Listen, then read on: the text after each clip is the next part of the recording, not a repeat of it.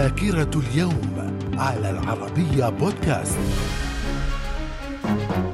أهلا بكم إلى ذاكرة اليوم الثامن من أكتوبر. في العام 1912 اندلاع حرب البلقان الأولى بين الدولة العثمانية من جهة وصربيا وبلغاريا من جهة أخرى. في العام 1917 اختيار الزعيم الشيوعي ليون تروتسكي رئيسا لمجلس سوفييت مدينة بتروغراد. في العام 1939 ألمانيا تحتل بولندا في الحرب العالمية الثانية. من الذاكرة ومن ذاكرة الثامن من أكتوبر في العام 1967 القبض على الثوري تشي جيفارا وأعوانه في بوليفيا. في العام 1991 كرواتيا وسلوفينيا تعلنان عن استقلالهما عن يوغوسلافيا. في العام 1993 رفع العقوبات المفروضة على جنوب إفريقيا والتي فرضت عليها بسبب سياسة الفصل العنصري الأبارتيد. من الذاكرة. ومن ذاكرة اليوم الثامن من أكتوبر في العام 2010 الإعلان عن منح جائزة نوبل للسلام للمعارض الصيني ليو شياو بو وذلك لكفاحه الطويل والسلمي من أجل حقوق الإنسان الأساسية في الصين. الصين والحكومة الصينية تنتقد منحه الجائزة. في العام 2012 مجلس الانتخابات الوطني الفنزويلي يعلن فوز الرئيس هوغو تشافيز بفارق مهم على منافسه إنريكي كابريليس في الانتخابات. وفي العام 2016 فوز حزب العدالة والتنمية ذي التوجه الإسلامي